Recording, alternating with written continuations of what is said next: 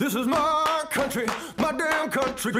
All right, so uh, welcome to our another edition of uh, Just in Lithuania.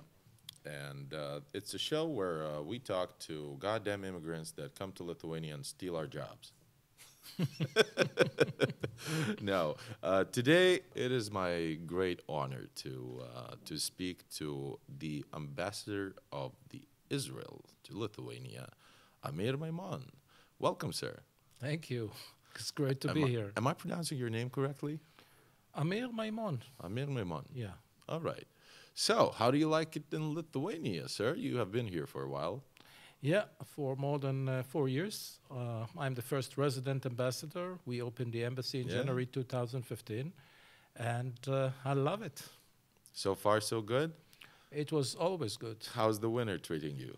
The weather, The winter. the winter, the Yeah. weather. Well, I can tell you a funny story. When I started my position in uh, January, so uh, as I said, I uh, I'm the first, so I didn't have a residence nor uh, embassy, so I was staying at the Novotel. All right. uh, right. you know, uh, in Gedimino Gatvė. And in the street, yeah. Yeah. And uh, it was, uh, I arrived on January the 26th. Oh, that's that's a great time to travel to and Lithuania. I was a bit surprised that uh, around 8 o'clock it was still dark and the uh, street lights were still uh, on. And, you know, uh, first day, second day, third day, fourth day. But after uh, two weeks, I decided that I need to ask someone, uh, Saule, where is the sun? and uh, people looked at me and uh, smiled and said, you know, in the winter, when you see the sun, you remember, you rarely see the sun, but when you see the sun, you remember the date. And uh, I must tell you that, um, yes, it may be a bit cold, but in the end of the day, it's neither the sun nor the temperatures that bring, bring light or warmth to our life. It's in the end of the day, the people. And the people, right from day number one, were very kind and very hospitable and uh, very warm. And the uh, uh, last four uh, years simply uh, flew. And uh, well, time flies when you're having time fun. flies. Yeah. All right, let's talk about your background a little bit. Uh, you were born into a military family. Your uh, dad was in military, right? True. Right. You're, uh, were, you were born in uh, Yemen? No, my uh, both parents were born in Israel. Uh, my late father in 1929, years before the establishment of the State of Israel. My late mother in 1931 uh, in Jerusalem.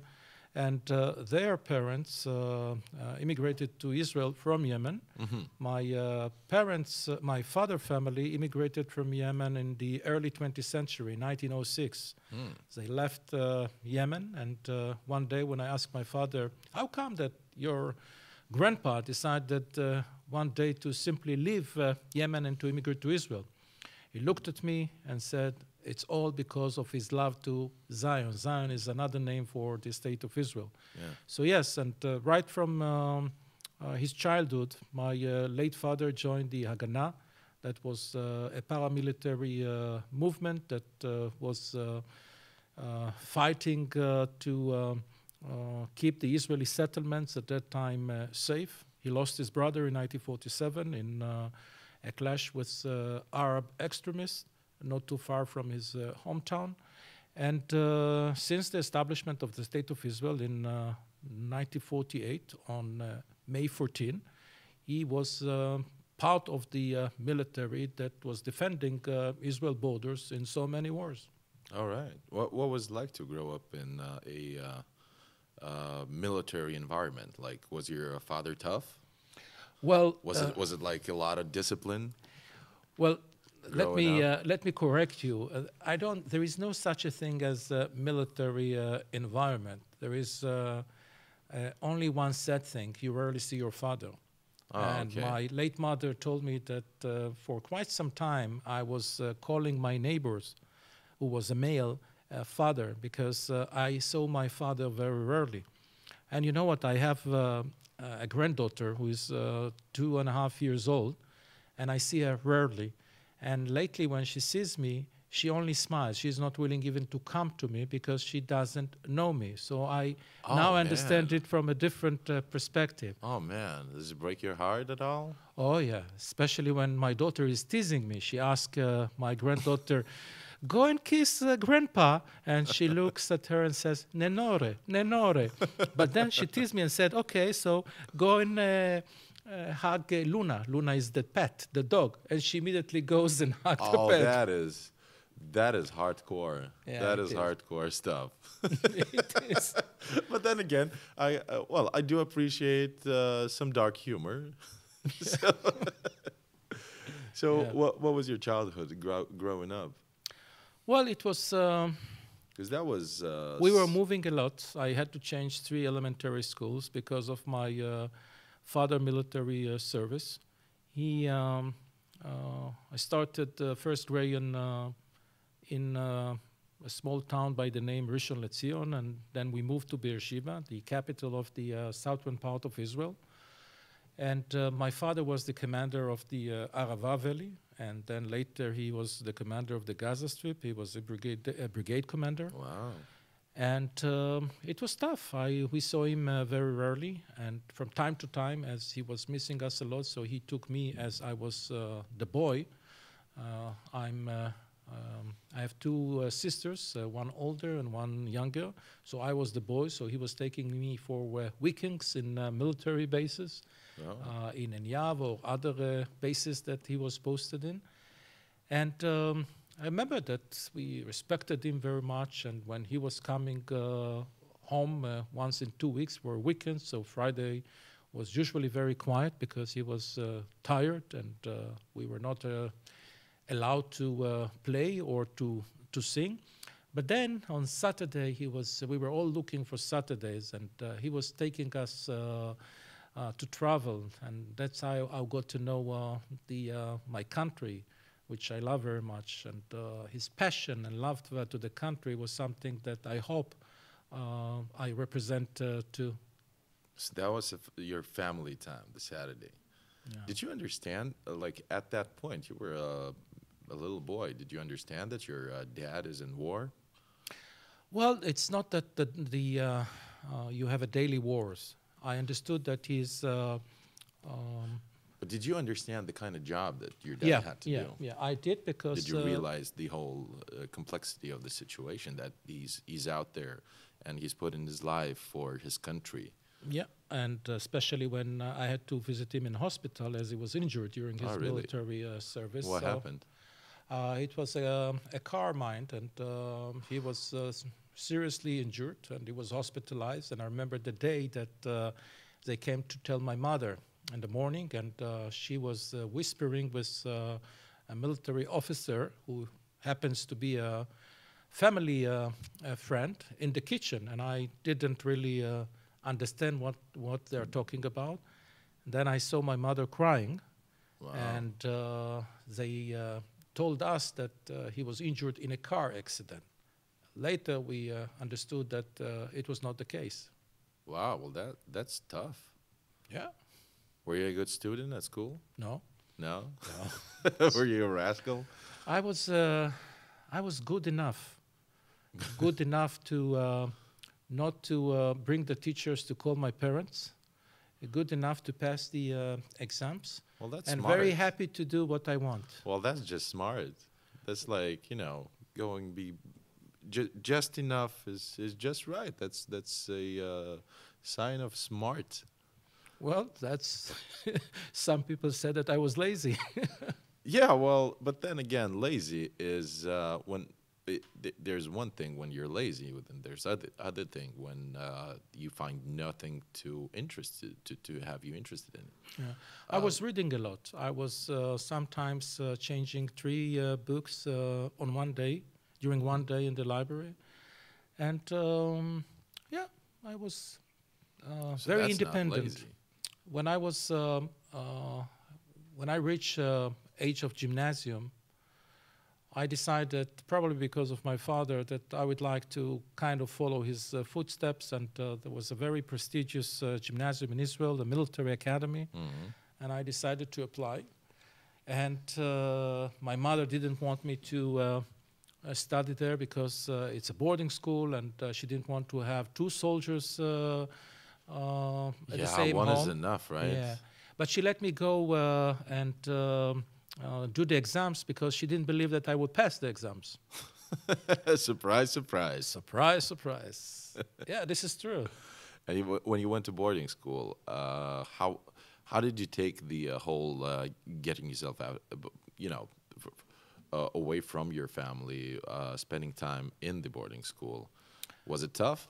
Yeah, today I, when I think about it, I think that it was very tough because it's um, uh, not a, a regular boarding school. It's a boarding school of uh, um, uh, people that uh, had to pass many exams. The admission process is uh, very tough because uh, simultaneously to the military training and studies, you are also attending one of the most prestigious gymnasium in Israel. And uh, during the day, you study with civilians and uh, others, and uh, uh, in the afternoon, you return to the military base, and uh, you are surrounded only with uh, male company, and it can be very tough. It can be very tough, and the uh, demands are very high. The uh, physical pressure is uh, very high. Did you have to do a lot of drills? Oh yeah, I was. um I'm still in a very good uh, physical shape, but Oh, I I was a that. very good. Um, the um, physical um, uh, exercises are How many Very push-ups? popular. How many push-ups could you do at your uh, at your peak? well uh, at my peak. You couldn't count. Because they were too fast. No, yeah, too fast, and uh, the numbers are high.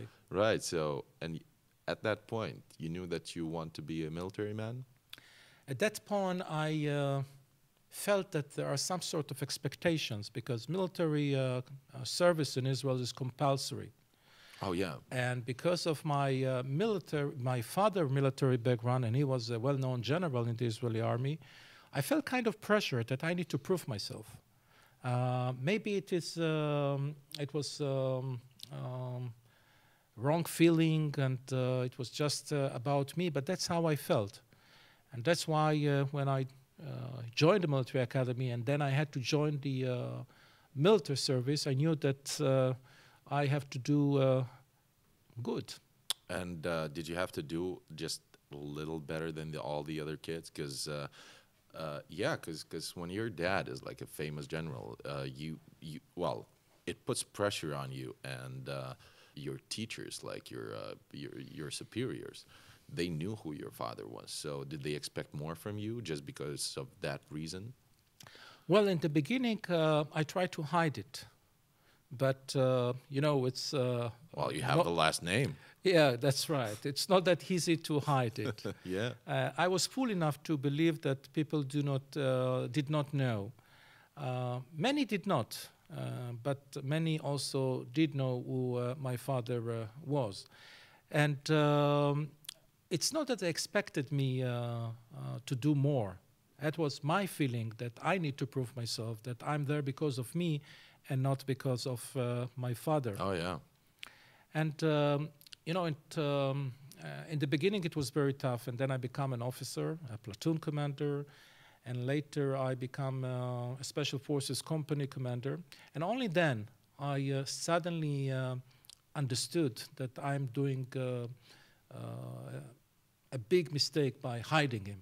He's my father first and foremost. Hmm. And um, when I started my position as a company commander, it was. Uh, um, everybody knew that uh, if the uh, company commander is going to stay uh, on Saturday, so his dad is going to come and visit him. And they didn't uh, add the rank uh, nor the position that he was uh, holding. And he was coming to visit me like uh, any other father that was visiting uh, his uh, children. And we also had very tough times because in 1982, when um, um, we uh, were engaged in the war in Lebanon. We were still, uh, uh, we were both in the army, and I was a deputy uh, or um, battalion commander. And during the first day, uh, many of my colleagues, including the battalion commanders, were killed. And during the first hour, It was unclear whether the battalion commander was killed or I was killed. And he was sitting in the headquarters, hearing uh, in the radios all the uh, exchange of fires and the uh, speculations about who was uh, killed and who was not. Oh damn. And uh, that was that was some that- hard yeah. times for your mother. My mother didn't know, and we never told her. really? Yeah, You she- kept it a secret? Of course. Oh man, you're a good son. no, she never knew about. And you were like the toughest of the tough. You were a paratrooper, Yeah. like the the elite forces, the uh, Red Berets. Yeah, that's true. How hard is it to uh, to go through the training to become a paratrooper? Because because because like it's it's like the the elite forces, so they push you to the very limit. What was the uh, most like difficult part of the training that you had? You know, physical change uh, challenges um can always be overcome. Yeah, but it's all about the. Uh, It's all about uh, the spirits and it's all about uh, the mentality, uh, but it's also uh, a lot about the people that uh, are surrounding you. And in the military service, I learned the real meaning of uh, friendship, uh, comradeship, what it's all about. The understanding that uh, we are there to help each other. We are there to make sure that nobody will be uh, left uh, behind by all means. And this is uh, a feeling that um, brings you and gives you forces that you never believed that you have such forces. Yeah, that's the thing. Like uh, you know, the like the compulsory uh, military service in Israel, and uh, we have this thing in Lithuania where we uh, re well reinstated the uh, compulsory military service, and. Uh, Right at that very moment, we realized that we have a bunch of weak people in Lithuania who don't. Well, they're like, well, why should I go to to, to the military service? Do you think that the compulsory military service is uh, is is a good way to uh, become a stronger man with a greater love to your country? Because because in Lithuania there are a lot of people that don't want to go, and I think that's the problem. I, sh- I should I think we should all go. Well, I uh, have a different perspective about what is going on here in uh, Lithuania. But when in 2015, and if not mistaken, in May, uh, it was decided to reintroduce uh, conscription, Yeah. I was interviewed a lot by uh, the media. As uh, you rightly mentioned, uh, compulsory service uh, is part of our life since the uh, establishment of the State of Israel. Yeah. And I think that uh, what happened in 2015 here in Lithuania, and this is my own observation, the um, uh, the young uh, youngsters that were uh, about to be recruited were caught unprepared. This is not something that you can tell someone from yesterday to tomorrow. Listen, tomorrow you are going to serve your country for nine months. In Israel, it's a way of living. It's a set of mind. Everybody knows that uh, when they will complete uh, gymnasium, high school, they will have to join the uh, military. You'll be surprised to find so many youngsters running in uh, their hometown streets or along the uh, beaches as part of their preparation and desire to Just improve getting the ready. Exactly. So I think that um, um, here in Lithuania, and that's according to what I know, you have more volunteers than uh, uh, you really need uh, for the uh, quotas that uh, there are every year. Uh, this year, uh, I think I think they came a little short, but yeah. And I know of people, and uh, one of them is here in the uh, studio, that are also doing their uh, military service during uh, weekends voluntarily. Oh yeah. So I think that uh, for us, the military service is not just about security and defense. Military service is about um, uh, personal developments. It's about uh, values, responsibility, creativity. It's about order, uh, setting rightly uh, your personal priorities, your national priorities, and on top of everything, I think, and that's what uh, you know, the military service was for me, is not just about uh, what the country can give me, but also what I can give back to the country. And that's uh, that's the exact point that I, I, I want to make. That uh, you know, if if a kid is lazy, and if a kid is well, he he doesn't well, he, just decides to uh, sit sit on his ass on the couch and play video games, and he doesn't want to learn. He doesn't want to go to uh, a university. I think the parents of the kid should just take him and, and, and put him in the military, and uh, he'll come back a better man because it's about the personal development, as you told. Well, I, I didn't push my children when uh, they were about to join the army, and my uh, two boys uh, completed their uh, compulsory service. I took them to a serious discussion. And by the way, uh, they never really understood what I did in the army nor what my father did in the army. You never They- told them. Well, we told them, but they were not impressed. they, were, they were not impressed. Oh man! Yeah, and it was so frustrating. How, spoiled are your children? But listen, when they your started, father is a war hero. When, Ah. When they started their military service, only then, only then I started uh, receiving telephone calls, WhatsApp oh, you got messages. your respect finally. Exactly. Finally, they understood. Yeah. But one of the things that I told them, and um, and for me it was very important because I didn't want them to be under unnecessary pressure as I was before joining the army because of my father. And I told them, listen, guys, I'm your father. I love you. It is your decision what you will be doing in the army. Just do your best, no matter wh- where you will be going. So I didn't force them to join uh, combat units, which they did, but it was their decision. And they could have choose uh, um, other job in the army, and I would respect it, exactly as I respect their uh, today's decision. So yes, parents can uh, force, uh, can push. I think that for me as a parent, it's more important to to be as an example when it comes to values, when it comes to uh, uh, beliefs, and not to push them to do things that they don't really feel like, that they don't believe in. Well, that's a good point as well. So you had your part of the action, like the uh, like battle action. Um, how hard is it uh, to come back to civil life after after you've seen the battle? Do you have because uh, you know they they do have the post traumatic stress disorders and uh, all the nasty things. Is it hard to come back to a peaceful life?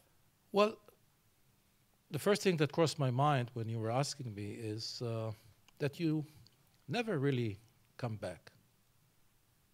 Part of you is still there because unfortunately I lost some of my friends, very close friends, soldiers and others, and I visit their graves from time to time.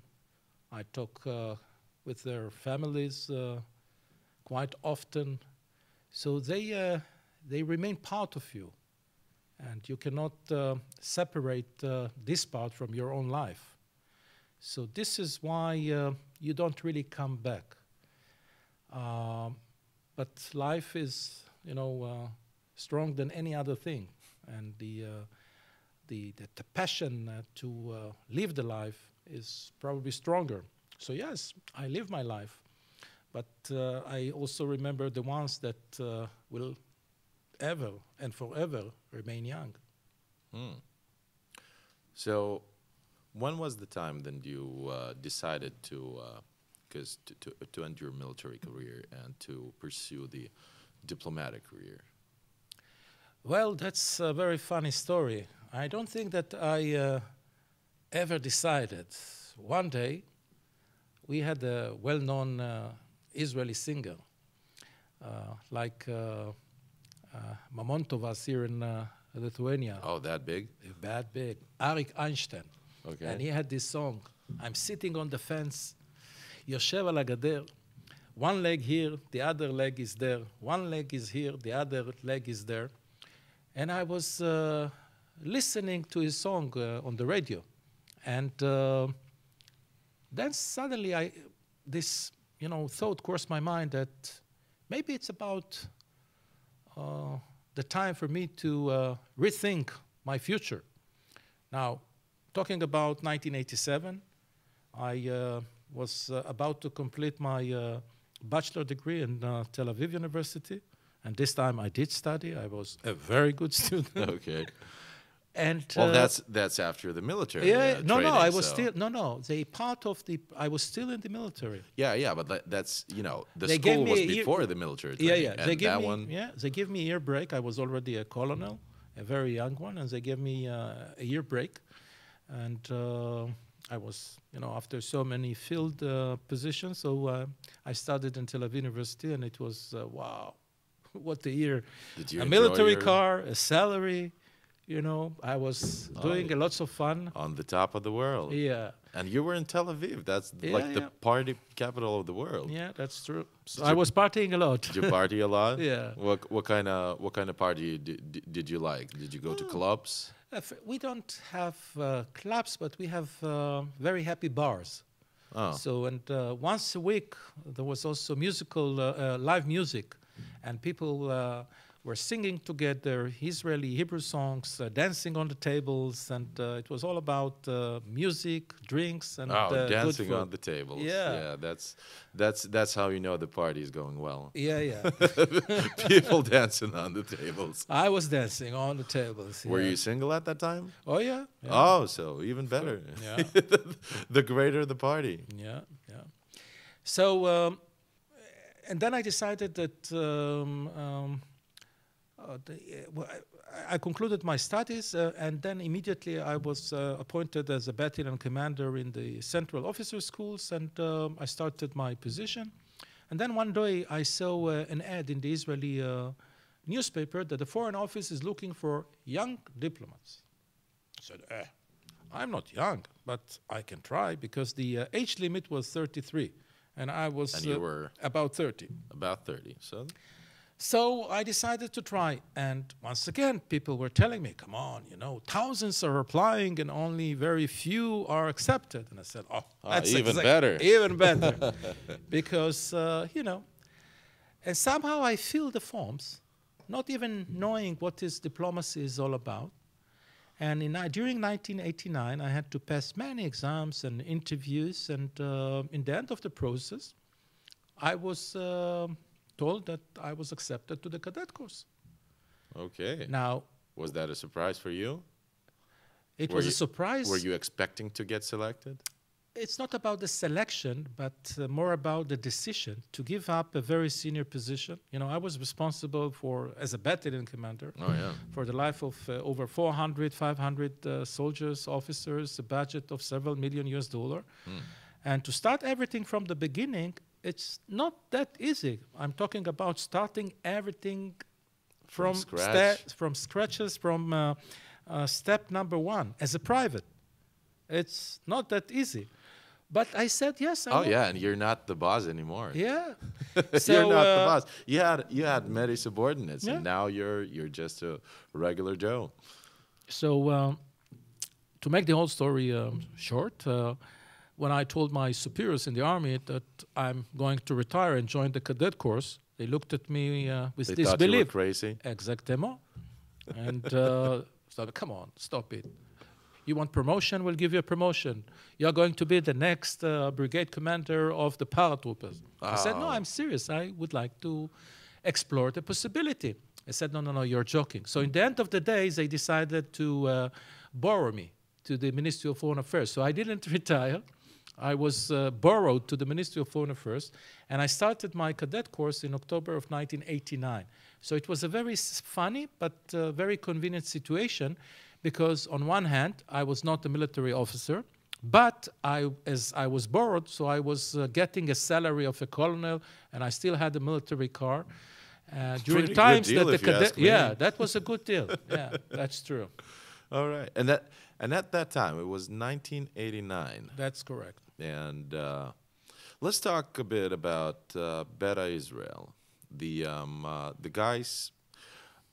It's just a magnificent story where uh, nobody know, knew about this, but there was a tribe in Ethiopia who were uh, well. As uh, they found out, they were well. They, they are still considered to be one of the uh, twelve uh, original uh, Jewish tribes, and they were there in. They they didn't have Talmud, but they they, they only uh, they had the Torah, but they were Jewish. They were Ethiopian Jewish. and they found them, and they didn't believe that they. Well, it, it was like a myth, right? Well, the the legend uh, the, the legend tells that when um, that King Solomon, Yeah. who was known for his uh, uh, respect for women, uh, when he was uh, visited by uh, Queen Sheba, so the legend says that they also spent the night together, and that's how uh, the uh, um, the uh, Ethiopian Jews uh, tribe was, uh, you know, started its its um, history. There are also other explanation how come in the end of the day Jewish people found themselves in Ethiopia. When I was asked to uh, by um, our director general to open the embassy in uh, Ethiopia, not as an ambassador, but to open because they uh, uh, were telling me that we need a commander in Ethiopia, and you are the only commander we know in the Ministry of Foreign Affairs. So I was sent uh, to Ethiopia with um, uh, a mandate, one mandate, but with two main objectives: Right. to open an embassy, literally, and uh, for for the exact reason to. Uh, no, no, for uh, ordinary diplomatic relationship. Oh, okay. But the second uh, obje- the second um, uh, mission was to uh, organize the Jewish people that uh, were gathering in Addis Ababa, the capital. You should understand that the Jewish people, um, um, or the majority of the falashas, the Beta Israel, as you rightly uh, referred to them, lived uh, about uh, 500 miles north to Addis Ababa, the capital, Yeah. in an area by the name Gondar. And they used to live in uh, kaimes, in villages, Yeah. uh, very uh, primitive villages, in huts which they called tukuls, made of wood and straw, no running water, no electricity. And when they heard that the Israelis are going to open an embassy, they simply, and yeah, it sounds uh, like a fiction, but this is true. They left everything and they marched to Addis Ababa because they believed that the Israelis are going to open an embassy just in order to take them back to Israel, to All right. Jerusalem. They always believed that one day the Israelis will come and take them back home, back to Jerusalem. Yeah, because uh, but but then again, uh, they they had a very serious situation out there, because uh, the uh, the civil war was uh, in, in in the making, and uh, they had to flee. Like they, they, they did they were pressured by the uh, by the environment to do that. They were pressured mainly by the economic situation. They were not subject to any uh, suppression or or um, risk from the rebels because the rebels, the joint forces of the Eritreans and the Tigrans, were fighting the uh, central government, the ruler, Colonel Mengistu Haile Mariam. Yeah, yeah, yeah. So they were not under any threat. They were simply hoping that uh, the Israelis, uh, once will take them to Israel, will also make sure that they will live in uh, better conditions. What And- was the Israel's uh, point of view at that point? Like, what what was the uh, the official uh, the official uh, message of of these Israel uh, Israeli Israelis? Like, uh, did they want to take the Jews Oh, yeah. in? Yeah. Well, the essence of the state of Israel is that uh, every Jew, no matter where he or she lives, has the right to live in the Jewish state, in the state of Israel. We don't have a constitution, but the first uh, law, basic law that was adopted by the Israeli Knesset, the Israeli uh, Seimas, parliament, was the right of return. Every Jew, by birth, has the right to immigrate to Israel and to live in Israel. And not just to immigrate to Israel, but also to uh, receive uh, uh, incentives that will help uh, him or her to uh, settle, to better absorb, to find a job, education, medical care, social cares, and more. So that was a real test to this rule because uh, there were twenty thousand of them. Uh, am- am I correct? Altogether, where there were about 20,000, yeah. Yeah, and they and they made this trip. Uh, it was a brutal trip. Like they, they were walking like thirty days uh, to the uh, to the capital, like uh, to to the embassy. Um, and you were coordinating this whole this uh, th- th- this whole uh, extraction. Well, I was uh, coordinating their departure from uh, Addis. Right. That was um, uh, an air operation which lasted uh, about 36 hours. And uh, when they reached Addis Ababa, uh, we uh, uh, didn't know, of course, when the uh, central government will allow us to take them to Israel. We asked them, but uh, yeah, because you had the Operation Moses in '84, where Yeah. uh, you got the plane out of, uh, you got the plane full of, uh, full of the uh, Ethiopian Jews uh, back to the Israel, and Sudan just closed the borders, right? Well, in that's yeah, that's right. In 1980, in the in the mid, uh, middle of the 80s, the Ethiopian Jews were marching Yeah. uh, from uh, Gondar area and other places in uh, in um, Ethiopia uh, towards uh, Sudan territory, where uh, Israeli airplanes, military airplanes, were landing and taking them to Israel. And at a certain point, the Sudanese uh, stopped the operation because it was uh, uh, reported in the media.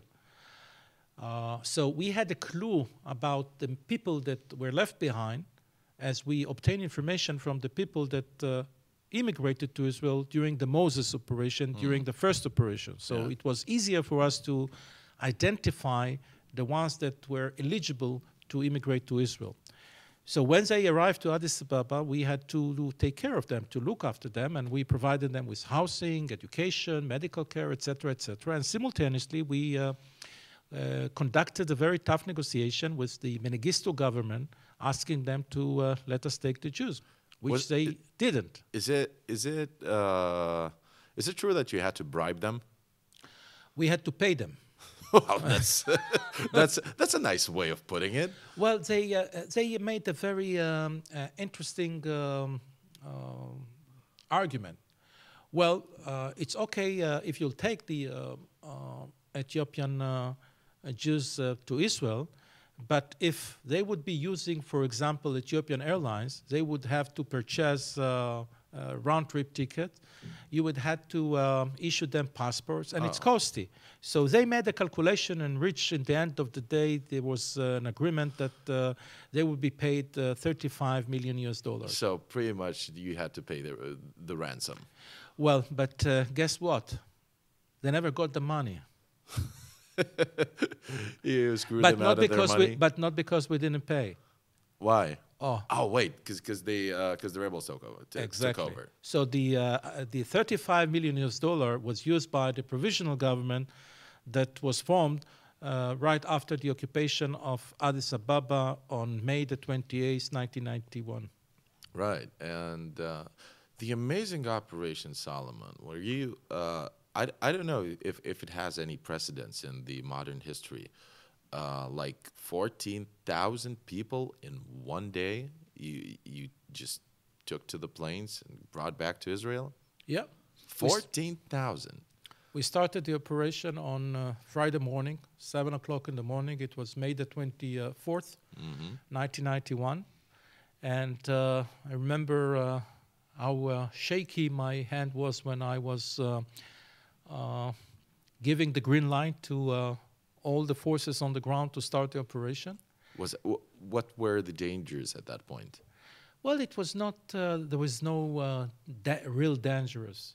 It was the um, uh, the uh, very special feelings, the emotions that comes up. That wow, it's going to happen, and um, you know, words cannot describe how I felt when I saw the two Israeli airplanes descending for landing. Uh, that was the time that uh, all my questions that I had before about what Israel is all about, what is the meaning of being Jew, were answered uh, uh, very in, in, in, a, in, in a second. I was so proud and so happy that it's going to happen. And uh, I can tell you that I was also very uh, sad when the last airplane took off because it was decided to leave only four people there because they knew that the rebels are going to occupy the city. Somehow they decided to uh, leave me there. And, Oh. and once again, I found myself uh, in the midst of a war, but this time uh, not my war. And I had to uh, hide uh, when the city was uh, occupied on May the 28th, two days or three days after we completed the operation. Were you in any, any danger at that point? Like, what, what would happen if the rebels caught you? Well, How to tell? Because they didn't. okay, fair point. fair point. And like the uh, the the uh, Jewish Ethiopians, they were uh, they just went into the, onto the landing ground, and they just got on the planes and they left, and without like just just the shirt on their back, no, you know.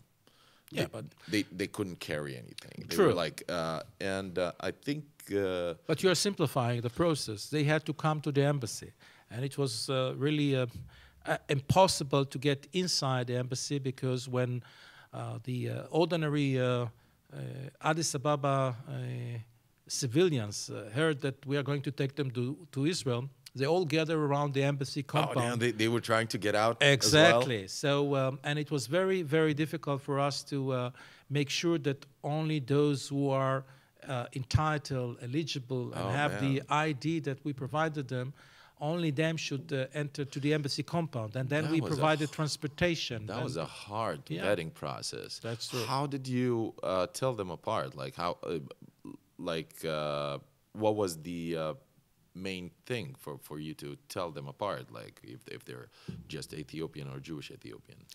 Well, the um, the um, uh, immigration to Israel, as I said, is based on the uh, Israeli law, uh, the um, right of return.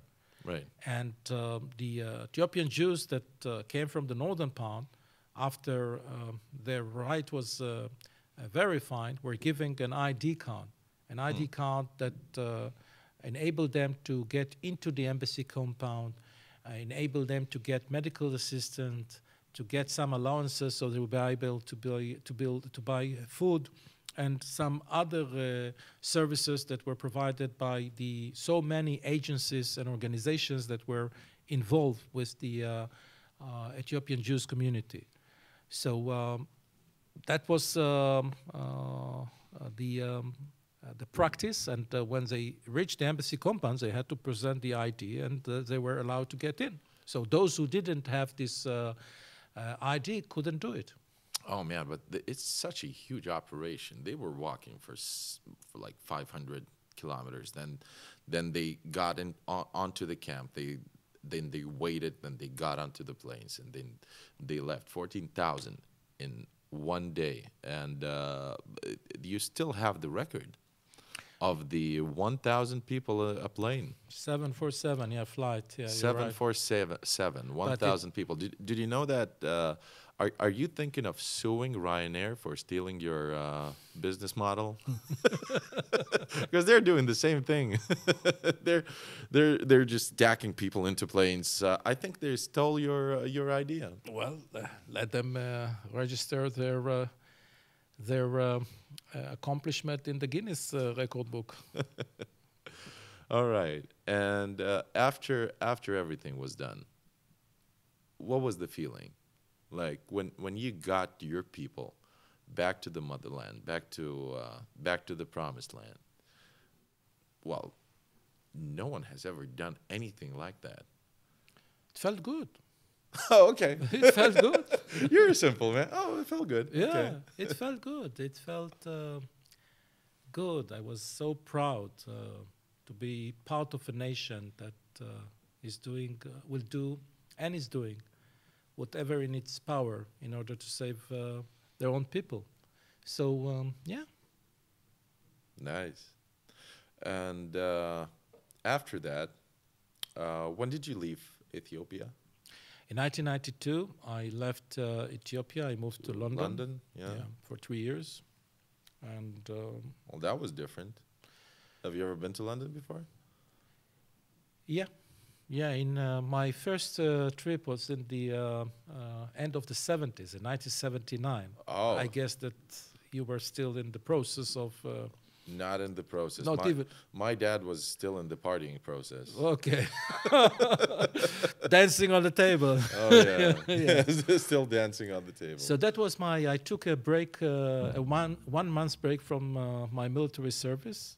I was a company uh, commander, and uh, I traveled for one month to Europe. And my last uh, uh, destination was London. when was the first time you uh, heard the name Lithuania, apart from the geography class? hmm Uh, I'm not sure that I heard it uh, during my geography classes. Well, because uh, yeah, I because we had our yeah, you our were not friendly friendly uh, uh, our friendly neighbors uh, managed to uh, keep correct. keep our name a secret.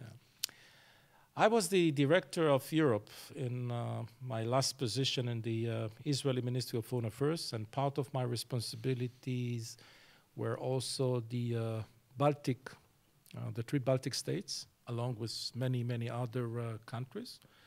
And if I'm not mistaken, it was in 2013 that I visited uh, Vilnius for about uh, even not 24 hours. And that was it. That was it. Yeah. How how what what was your first impression of Vilnius uh, uh, during those 24 hours? Well, I was, um, I, um, it was a direct flight, so I landed, it was Wizz Air, direct flight, so I landed uh, early in the morning. I didn't see much. And uh, I remember the morning was cold and dark. Oh yeah, Lithuania. Yes, but I was taken from one place to another. Uh, I had some meetings. I visited uh, the Seimas and uh, the Ministry of Foreign Affairs. And I remember the very good lunch in Neringa restaurant. Neringa. yeah, Yeah. I remember what I had. I had the uh, beef stroganoff. Beef stroganoff. Yeah. Yeah, nice, nice. Yeah. Neringa, uh, Neringa is gone now. That's it. They're rebuilding. Neringa will come back. Well, hopefully, because I, I really like the uh, the Kiev uh, the, the Ki- Kiev cutlet. I like the Jurate. Jurata? Yeah. Oh, okay, with the with the with the thing. Yeah. Okay. What other Lithuanian dishes do you like? Viskas. Everything. Everything. Yeah, I, uh, do, are you a fan of potatoes? I'm a fan of good food. well, that's a very diplomatic way No, of saying that. no. So I like it. the, uh, you know, you have, uh, it's like saying, do you like uh, bulveni bellini? Yeah, I do. Man labe patinka. But depends on uh, how you make them. Only some the places they make it too oily, and some others they make it uh, very delicate. And uh, yeah, What do you have a place where uh, you uh, like to eat uh, bulvini bline? well, I had um, um, Because I have a recommendation. Good. So I'm open for recommendation. By the way, my people uh, uh, know my passion for food, and uh, I'm traveling a lot in Lithuania. And I have my uh, special places for uh, different dishes, even though let's they're not. Let's let's give them a shout out. What, Uh, what kind of? Okay, let's let's But do some. they're not necessarily Lithuanian dishes. For example, Absolutely, but let's do let's do some advertising. Oh, What kind of what kind of places in Lithuania do you like? oh, I like all, but restaurants-wise. Yeah, So um, if you'll travel to Ukmergė, Ukmergė. Ukmergė, Is it still there? It's still there, Okay. Ukmergė, Vilniaus Gatvė. There is a place by the name Užipienė. Užupienė? Yeah, and Okay. they have, uh, for me, the best uh, goulash siruba. Okay. Very good. Duly noted. Užupienė. Užipienė. Okay. And then uh, if you go to, uh, uh, there was a place, really a great place. They closed it in uh, Kernave. mm-hmm. Kernave, yeah. Uh, Kernave. There was uh, uh, kind of kavine, and they had the best, best uh, shashlikas, but also very good uh, bulveni bellini, very thin ones, uh, which. Uh, oh, I like those too. Like yeah, the, the, thin, ones. Yeah. Not the thick and the greasy, but really the thin one. And uh, this is uh, really wonderful. For uh, Spurgis, I'm going to uh, Spurgini in Kaunas. That's oh, the, uh, the classic. uh, that's, that's- the classic. It's not just classic; it's the best. Yeah, because they've they've been around for well forever. Like I think I think they first built the Spurgine and then That's the true. Kona city around it. yeah, and uh, one of my favorite places, uh, both here in Vilnius as well as in uh, Klaipeda, it's Ridikai. Mm-hmm. They have the Toscana, and they have the very, very good uh, home and fresh uh, dishes. That's one of the uh, new wave restaurants that they have. Like uh, we we had the old restaurants like Neringa and like Stikle and uh, all all the all the fancy restaurants. And the Ridike is like the new wave where they opened uh, later on and uh, they're really good. And even though they are not uh, located in the center, um, they are very, very popular. Uh, oh yeah, it's always full. Yeah. So, and there are many uh, other places. Um, you know, there is this uh, very nice kavine in between uh, and uh, Cholet. Um, I forgot the name, but they have uh, very good uh. And uh, of course, uh, I have my place in uh, uh, Trakai for kibene and Oh, for yeah, the yeah, yeah. salotos and for the uh, very uh, uh, and many other good uh, dishes. All right. I like very much the silke and the uh, uh, the um, herring is very good. Yeah, yeah, yeah, yeah. And the uh, the place that I wanted to tell you about is uh, there's this uh, in Užupis in Polotsko Street. There's Šnekutis. It looks like a uh, an abandoned uh, homeless, like a, an abandoned house where homeless people live. But and you walk inside and it's like all all well, it's it doesn't have the uh, but it's very authentic, and uh, there they have like the best Lithuanian dishes. Really. Yeah, yeah. Because also in the corner they have uh, it's not uh, abandoned, but uh, just uh, near the uh, the monument, the uh, Yeah, the Angelo. Angelo.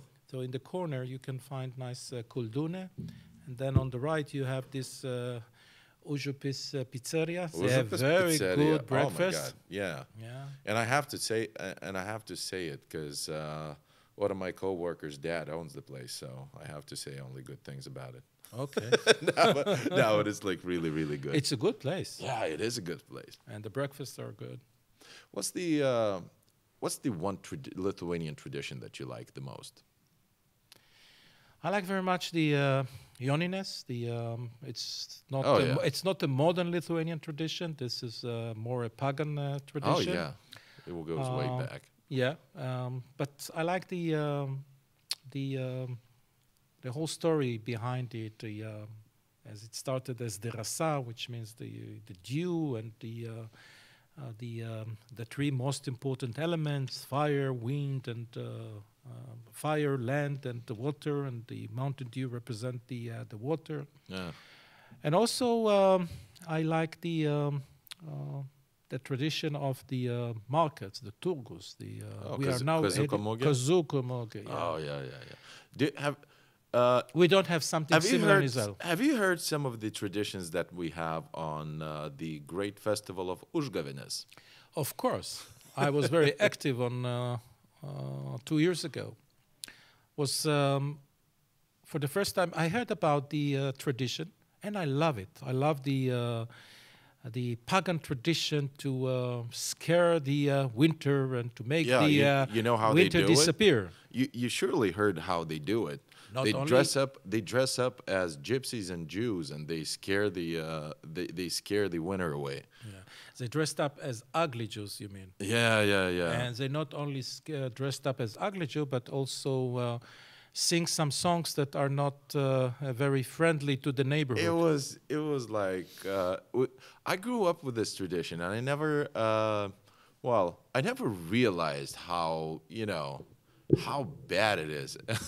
then again, and when I see people still dress up like they're like we're Jews, would give us some money, and and we have that tradition still, like in in some parts of Lithuania, we still have that tradition.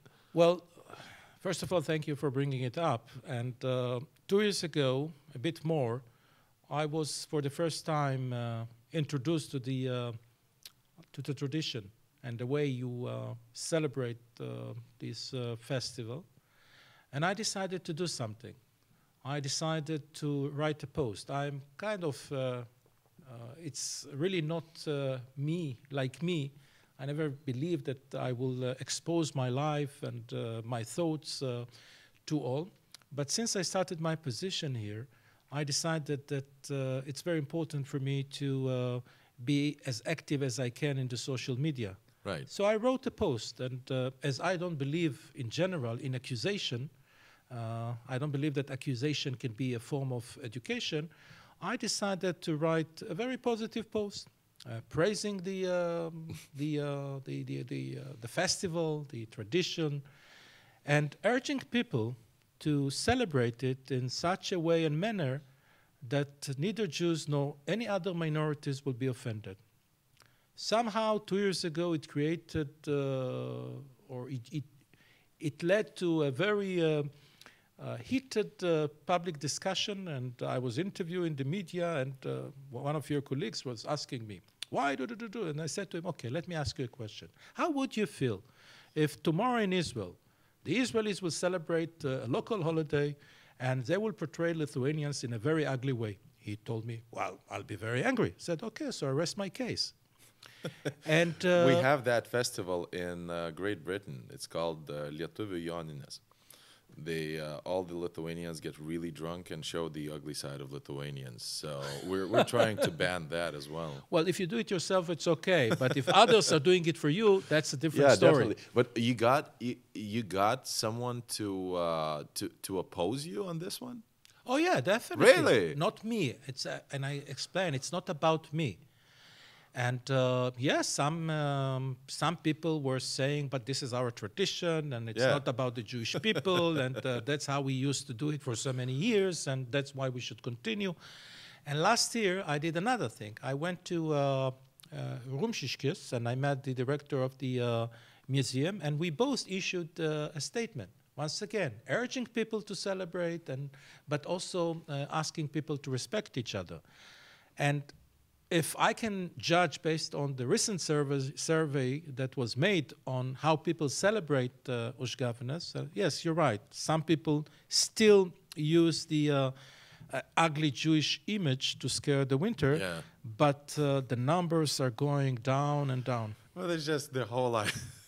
It's just I, I'm I'm truly sorry, but the, just the whole idea, it's so you know archaic. Like it's it's so ancient.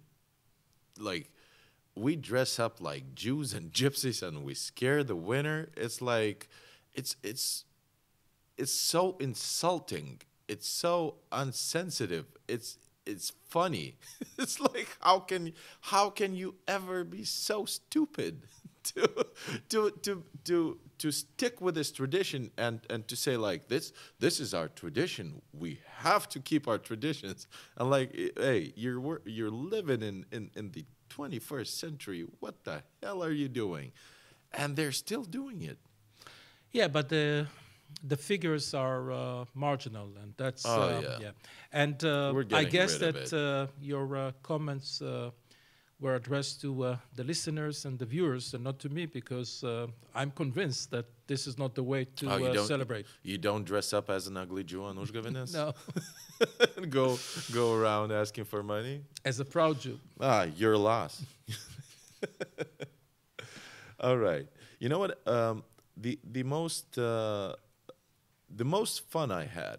Uh, I have a uh, I have a friend here in Vilnius. Uh, he's uh, he's a Jew and he uh, he invited me for Shabbat. And that is like the most beautiful tradition that you have. Like uh, this is this is I think uh, what we're lacking on Lithuania because we don't have family dinners. And on Shabbat, you don't work. You sing, you eat, you enjoy the company of your family. Are you very religious? Like, are you? Uh, I'm secular. You're secular. So, do you still do Shabbat?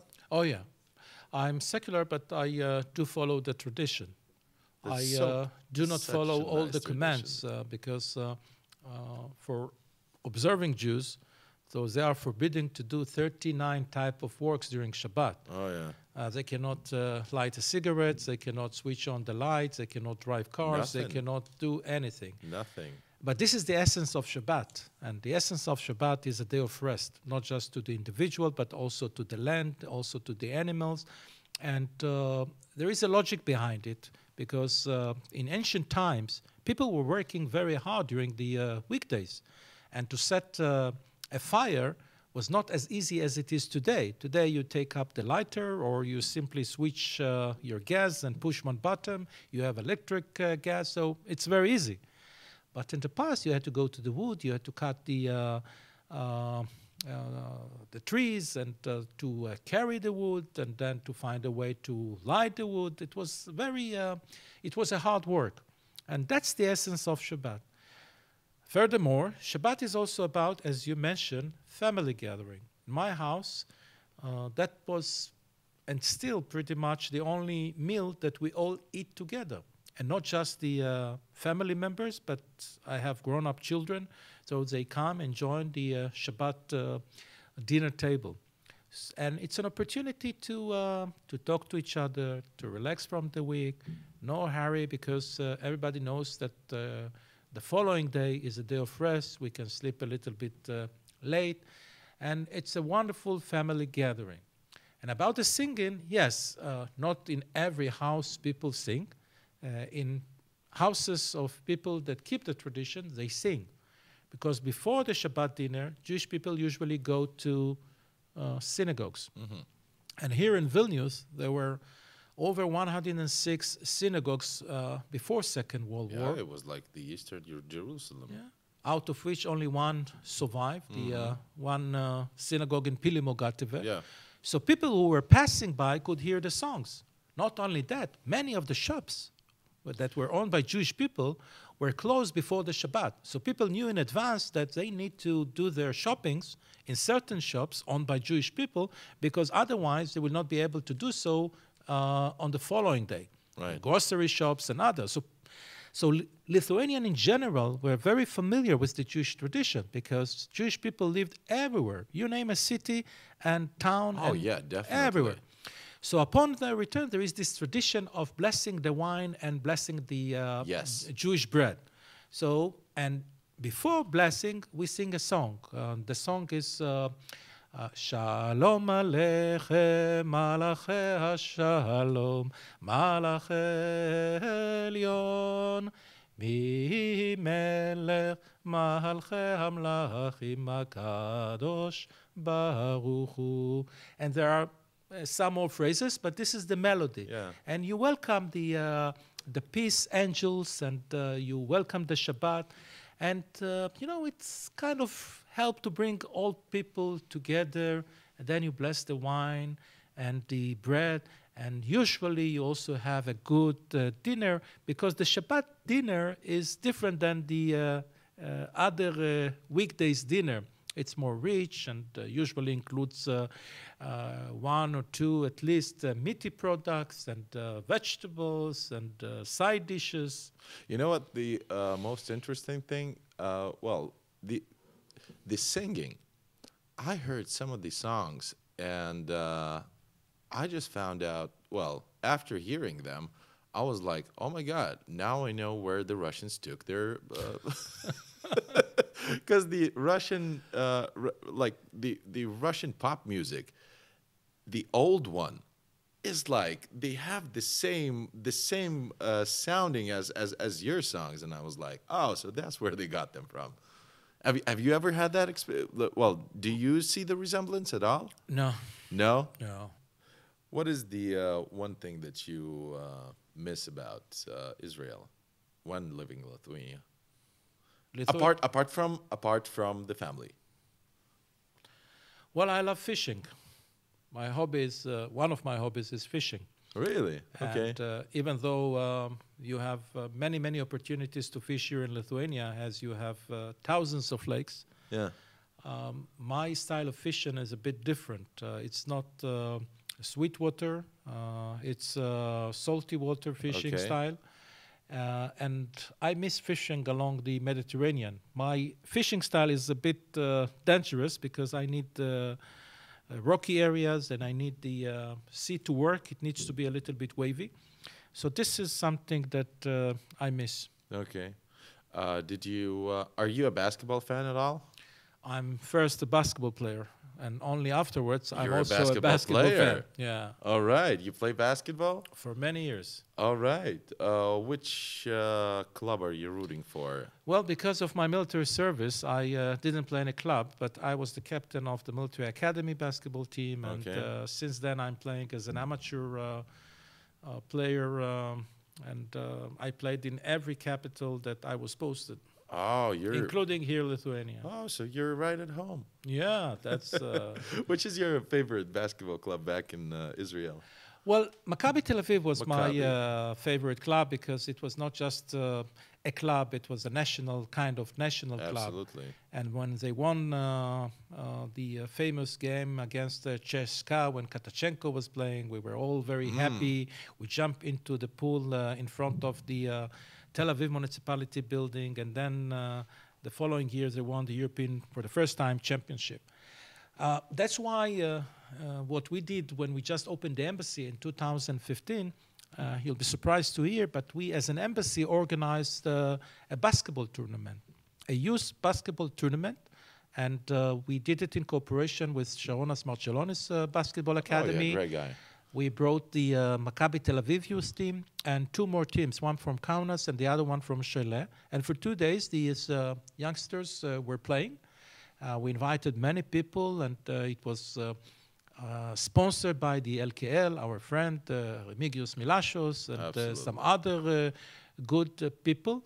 And we had a very, very professional tournament, which was also live broadcast uh, in the uh, Delfi uh, Internet TV. Yeah, yeah, yeah. Well, uh, this is the good way to win win over Lithuanian hearts. Just uh, tell them you like basketball, and that's it. We're your friends to the end. We are uh, probably the most sporty embassies. It's not just about uh, basketball. We also uh, uh, cooperated with the uh, uh, Beach Volleyball uh, Federation, and for two years right. we uh, uh, cooperated in organizing the uh, amateur night tournament. Uh, with the uh, wheelchair tennis next month again, so we are going to uh, cooperate, and many other uh, sport uh, organizations and clubs here in Lithuania. Last question: Žalgiris or Rytas? When I'm in Žal- when I'm in Kaunas, I'm supporting Žalgiris. Yeah, that's that's a safe way to. And when I'm in Kaunas and in Vilnius, I support. Yeah, that's it. Well, if you're in Kaunas and you don't support uh, Žalgiris, uh, I have that experience. And I saw the last game, uh, the uh, Mindigau uh, cap. oh yeah, That was a very good one. that was a very good one. A very good made a lot of. Uh, I made a lot of new enemies. New enemies. Yeah. So I guess that you are a supporter of Lietuvos, uh, of Rytas. Yes, absolutely. I'm- well, to I'm from Vilnius, so what can you do? Good. Ambassador, thank you so very much for coming. It was uh, uh, an absolute pleasure talking to you. Thank you very much for having me.